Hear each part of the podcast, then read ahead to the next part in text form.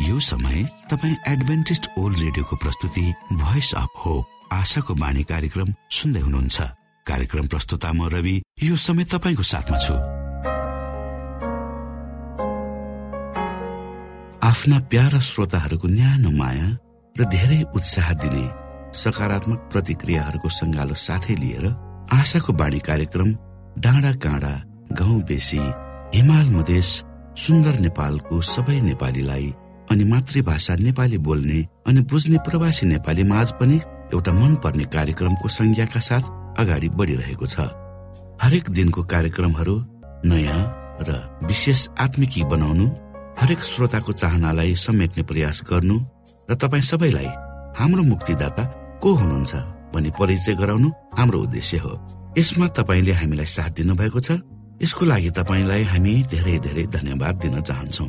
परमेश्वरको नामको महिमा होस् आज पनि हामी बाइबलबाट शिक्षाप्रद सन्देशहरू सुन्नेछौँ।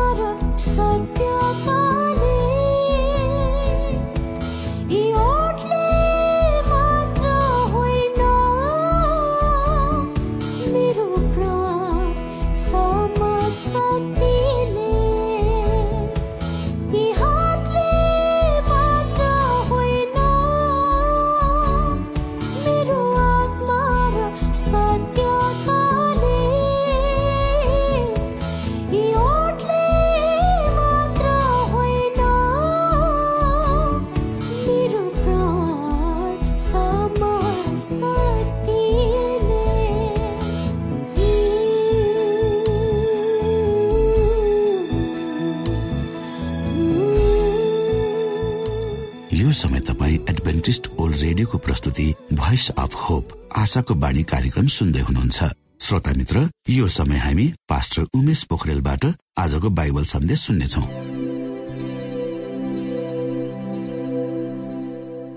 श्रोत साथी न्यानो अभिवादन। म तपाईँको आफ्नै आफन्त अर्थात् पास्टर उमेश पोखरेल परमेश्वरको वचन लिएर यो रेडियो कार्यक्रम मार्फत तपाईँहरूको बीचमा पुनः उपस्थित भएको छु।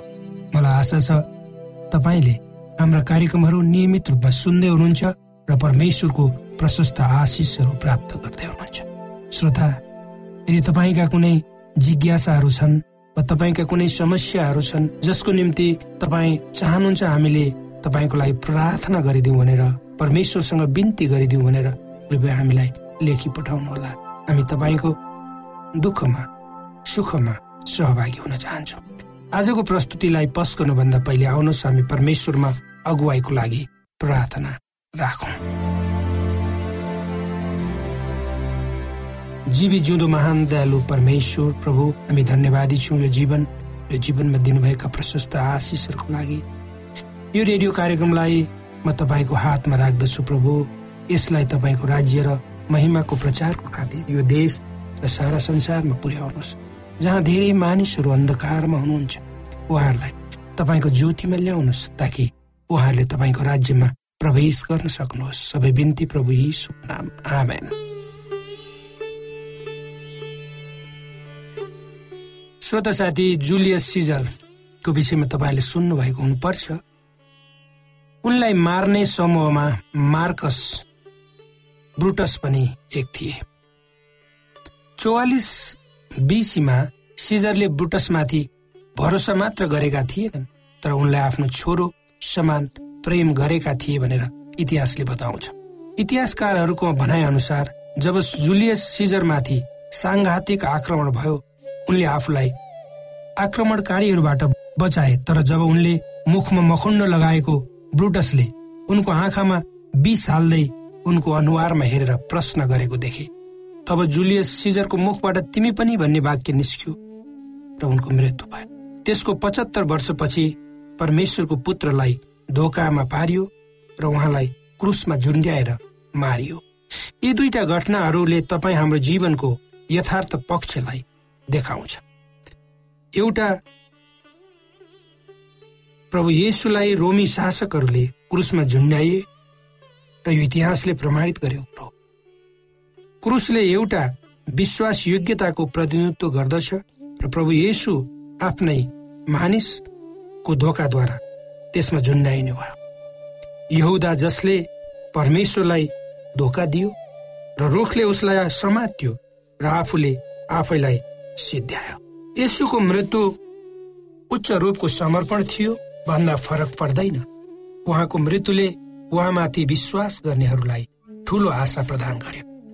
र उनीहरूको निम्ति प्रेरणा र शक्तिको स्रोत बन्यो तर यहुदाको मृत्यु घिनलाग्दो सांसारिक घटना थियो जो आफ्नै दोषको कारणले भएको थियो।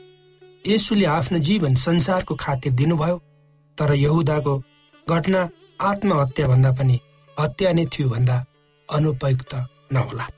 यी दुई कथाहरू जुन पवित्र बाइबल धर्मशास्त्रमा पाइन्छन् को सम्बन्ध एक अर्काबाट टाढा छन् किनकि यिनीहरूको स्वभाव र चरित्र भिन्न भिन्न किसिमको सुश्रोता यो संसारमा यस्ता दुई किसिमका चरित्रहरू बोकेका मानिसहरू प्रशस्तै भेटिन्छन् र हामीहरूले पनि हामीहरू पनि यिनैभित्र पर्न सक्छौँ। हामी सबैले यो संसारमा रहँदा आफ्नो सम्पर्क र सम्बन्धलाई अरूहरूसँग बढाउनु पर्ने हुन्छ। हामी एक्लै बाँच्न सक्दैनौँ वा केही गर्न सक्दैनौँ। त्यसको निम्ति एउटा स्पष्ट सिद्धान्तले हाम्रो जीवन डोहोरिएको हुन जरुरी छ। या त हामी क्रुसलाई बोकेर हिँड्छौँ वा हामी त्यसमाथि आफै बोकिन्छौँ। श्रोत साथी के तपाईँ कहिले धोकामा पर्नु भएको छ? के तपाईँलाई कसैले ठगेको छ? तपाईँले विश्वासै नगरेको व्यक्तिले तपाईँलाई धोका दिएको छ? यी कुराहरू तपाईँ हामीले आफ्नो जीवनमा सधैँ भोगेका वा देखेका हुन्छौँ होइन र? धोका भनेको मानिसको सबभन्दा तल्लो वा तुच्छ स्वार्थको प्रतिफल हो। यसलाई सबभन्दा निज स्तरको सामाजिक कार्य भनेर पनि बुझ्न सकिन्छ। यसले एउटा व्यक्ति र समाजलाई असर पार्न सक्छ। यसले दुई आत्माहरूलाई चिडाउँछ र विश्वासमा घात गर्छ। मित्रताको ख्याल यसले गर्दैन र शत्रुता पैदा गर्छ र रिस बढाउँछ। आजको समाजमा धोकाका घटनाहरू दिन प्रतिदिन बढ्दै गएका छन्। यी घटनाहरू परिवारभित्र आफन्तहरू बीच समाज र विभिन्न वर्ग र समूह बीच हुने गर्दछन्। यी सबैको जग वा सुरुवात सैतानले गर्दा नि भएको हो। परमेश्वरको योजना र व्यवस्थामा यस्ता नराम्रा कुराहरूको कुनै स्थान छैन र यो परमेश्वरबाट आएको पनि होइन। मित्रले धोका दिएको एक व्यक्तिको प्रार्थना पवित्र धर्मशास्त्र बाइबलको भजन सङ्ग्रहको पचपन्न अध्यायमा लेखिएको छ। श्रोता यदि तपाईँलाई समय भयो भने भजन सङ्ग्रह भन्ने पुस्तकको पचपन्न अध्यायमा राजा दाउदले साथीले दिएको धोकाको सम्बन्धमा आफ्ना पीडाहरू कसरी व्यक्त गर्छन् त्यो पढ्न म अनुरोध गर्दछु। धोकाद्वारा मानिसहरूमा लागेको घाउलाई हामी कसरी निको पार्न सक्छौँ त श्रोता? पहिलो कुरा कसैको धोकाबाट कति क्षति भयो त्यो जान्न जरुरी छ। तर धोकाबाट उत्पन्न भएको तनावलाई अझ बढाउनु भने हुँदैन। त्यसलाई व्यक्तिगत समझदारी र प्रार्थनाद्वारा बसमा राखी अगाडिको अवस्था तय गर्नुपर्छ र धोका किन भयो? त्यसको वास्तविकता पत्ता लगाउनुपर्छ। अर्थात् हामीले आफूले सक्ने किसिमले अवस्थालाई आफ्नो नियन्त्रणमा लिनुपर्छ। यसलाई पवित्र धर्मशास्त्र बाइबलको मत्ती भन्ने पुस्तकको अठार अध्यायको पन्ध्रदेखि बिस पदहरूको आधारमा समाधान गर्न सकिन्छ। श्रोता आउनुहोस् हामी सँगसँगै पवित्र धर्मशास्त्र मत्तीको अठार अध्यायको पन्ध्रदेखि बिस पदहरू पढ्नेछौँ। यहाँ यसरी लेखिएको छ तिम्रो भाइले तिम्रो विरुद्धमा अपराध गर्यो भने गएर तिमीहरू दुई मात्र हुँदा त्यसको दोष देखाइदेऊ। त्यसले तिम्रो कुरो सुन्यो भने तिम्रो भाइ आफ्नो भयो तर त्यसले सुनेन भने आफ्नो साथ अरू एक वा दुईजनालाई लैजाऊ र दुईजना लैजाऊ र दुई अथवा तीन साँचीद्वारा प्रत्येक कुरा पक्का होस्। यदि त्यसले तिमीहरूका कुरा पनि सुन्न इन्कार गर्यो भने मण्डलीलाई भन। त्यसले मण्डलीको बात पनि सुन्न इन्कार गर्यो भने त्यो तिम्रो लागि विधर्मी र कर उठाउने सरह हुनेछ। साँच्चै म तिमीहरूलाई भन्दछु तिमीहरूले पृथ्वीमा जे बाँध्छौ त्यो स्वर्गमा बाँधिनेछ।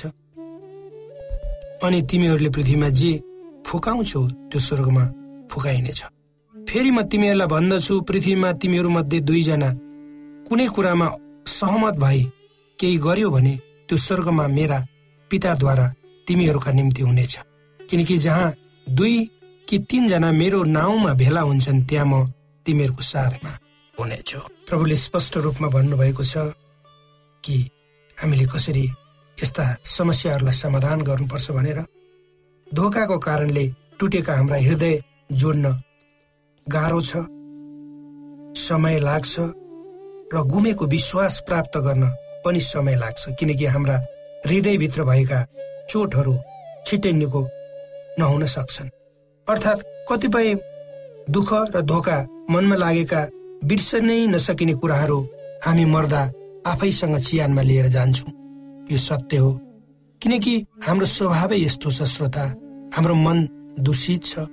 यदि हामी पूर्ण रूपले परमेश्वरमा समर्पित छैनौँ भने तर परमेश्वरको दृष्टिलाई हामीले बुझ्न सक्यौँ भने क्रुसको पाठले हामीलाई हाम्रा सबै तिक्तता वैमनुष्यता शत्रुताहरूबाट माथि उठाउन हामीलाई मद्दत गर्छ।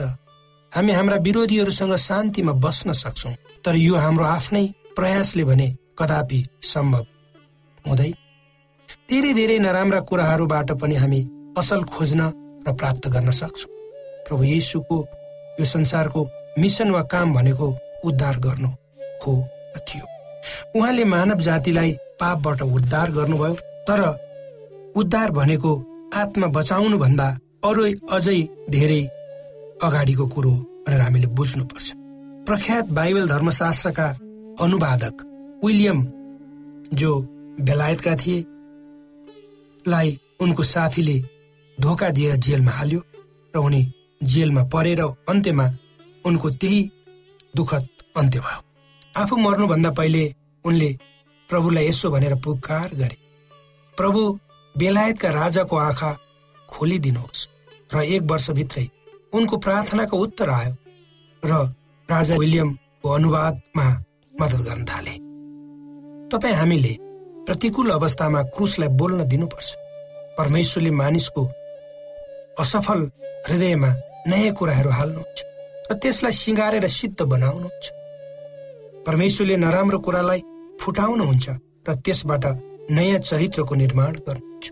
मेरा भाइ हो तिमीहरूमाथि विभिन्न किसिमका आपत विपद आइपर्दा तिनलाई पुरा आनन्दको कुरा सम्झ किनकि तिमीहरू जान्दछौ। तिमीहरूका विश्वासको जाँचले धैर्य उत्पन्न गराउँछ। धेरैलाई त्यसको पुरा काम गर्न देऊ ताकि तिमीहरूमा कुनै कुराको अभाव नभएर तिमीहरू परिपक्व र पूर्ण हौ। त्यसपछि तपाईँ र मैले त्यो व्यक्ति जसले हामीलाई धोका दिएको छ उसलाई क्षमा दिन सक्छु।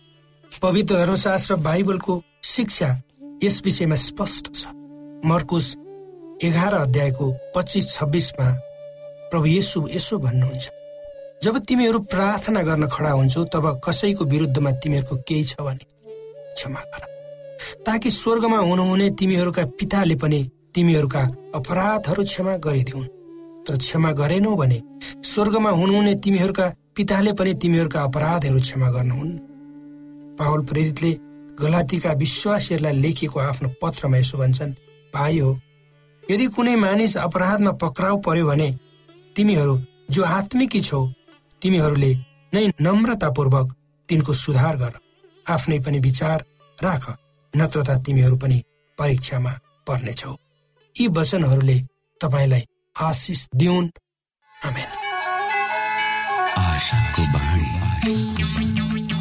श्रोता भर्खरै यहाँले पास्टर उमेश पोखरेलबाट बाइबल वचन सुन्नुभयो। यो समय तपाईँ एडभेन्टिस्ट ओल्ड रेडियोको प्रस्तुति भोइस अफ होप आशाको बाणी कार्यक्रम सुन्दै हुनुहुन्छ।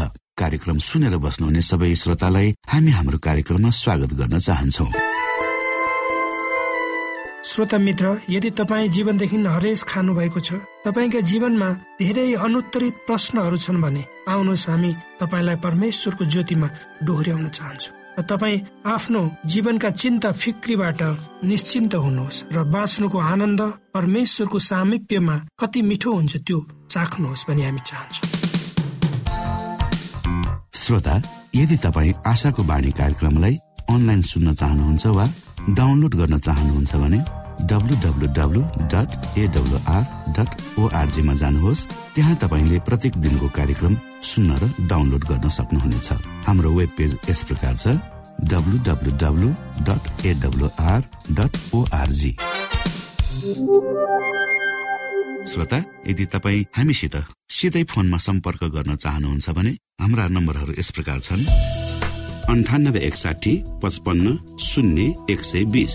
अन्ठानब्बे एकसाठी पचपन्न शून्य एक सय बिस। र अर्को अन्ठानब्बे अठार त्रिपन्न पन्चानब्बे पचपन्न। अन्ठानब्बे अठार त्रिपन्न पन्चानब्बे पचपन्न। यो आशाको बाणी रेडियो कार्यक्रम हो। म धनलाल राई यहाँहरूलाई यस कार्यक्रममा न्यानो स्वागत गर्दछु।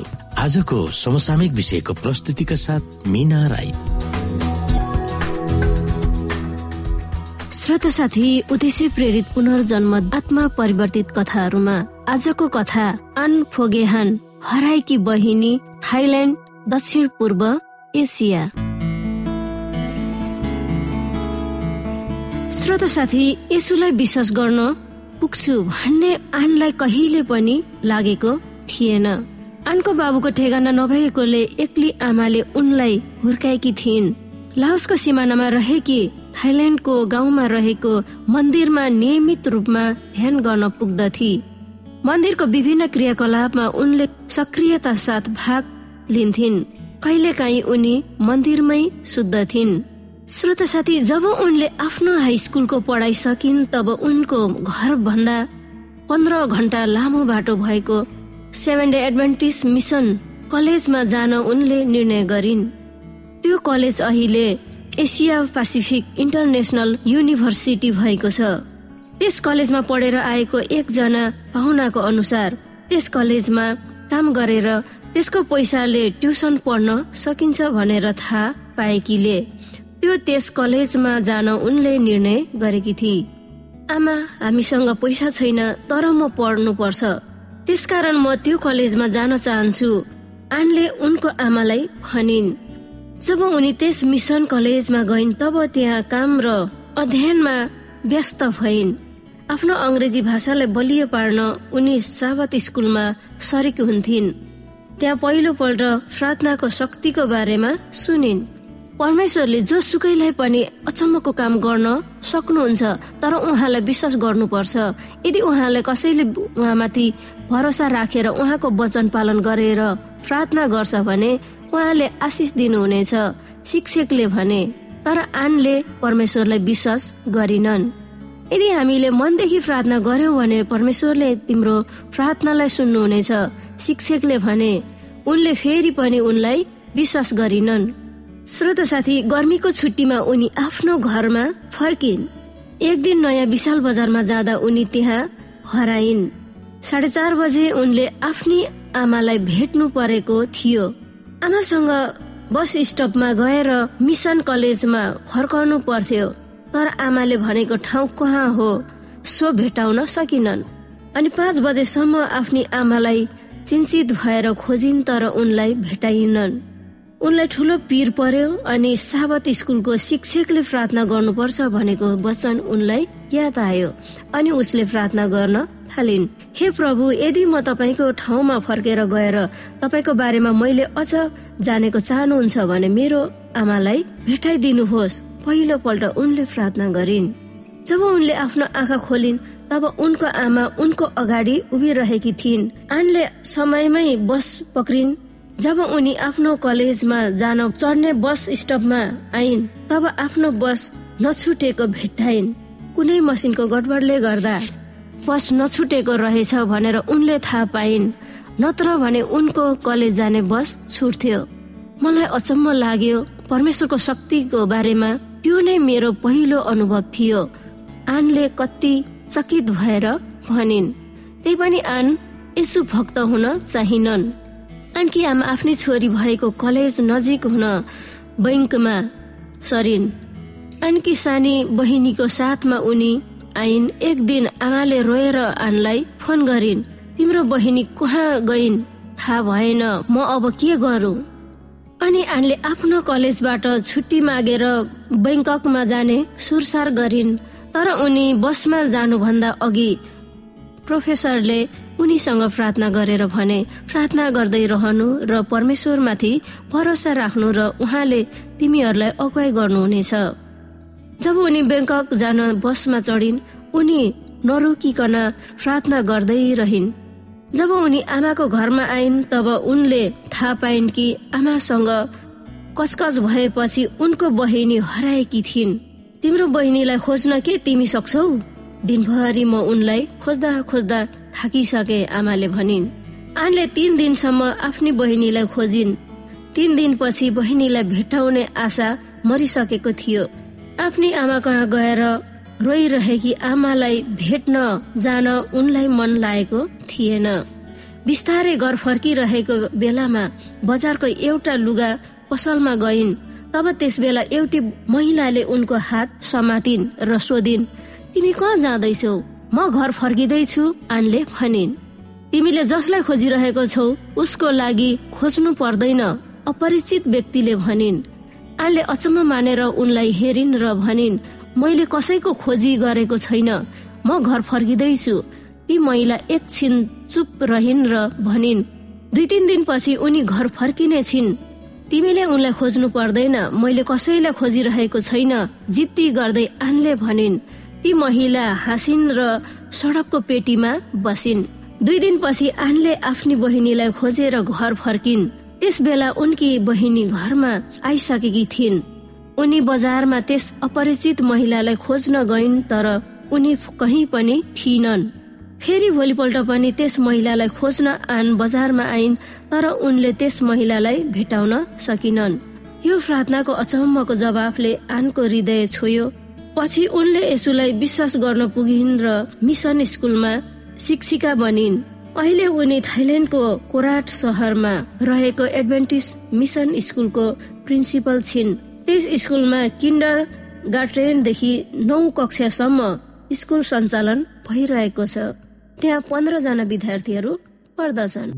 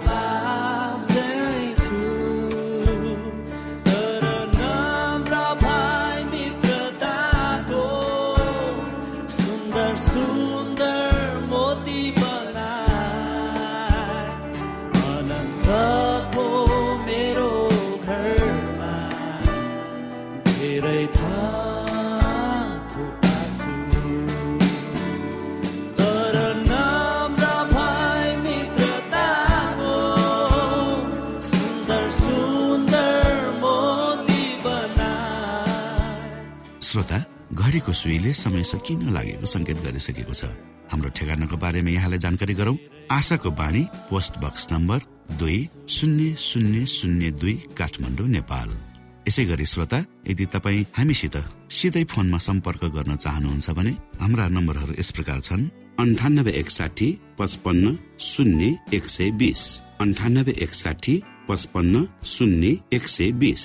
र अर्को अन्ठानब्बे अठार त्रिपन्न पन्चानब्बे पचपन्न। अन्ठानब्बे अठार त्रिपन्न पन्चानब्बे पचपन्न।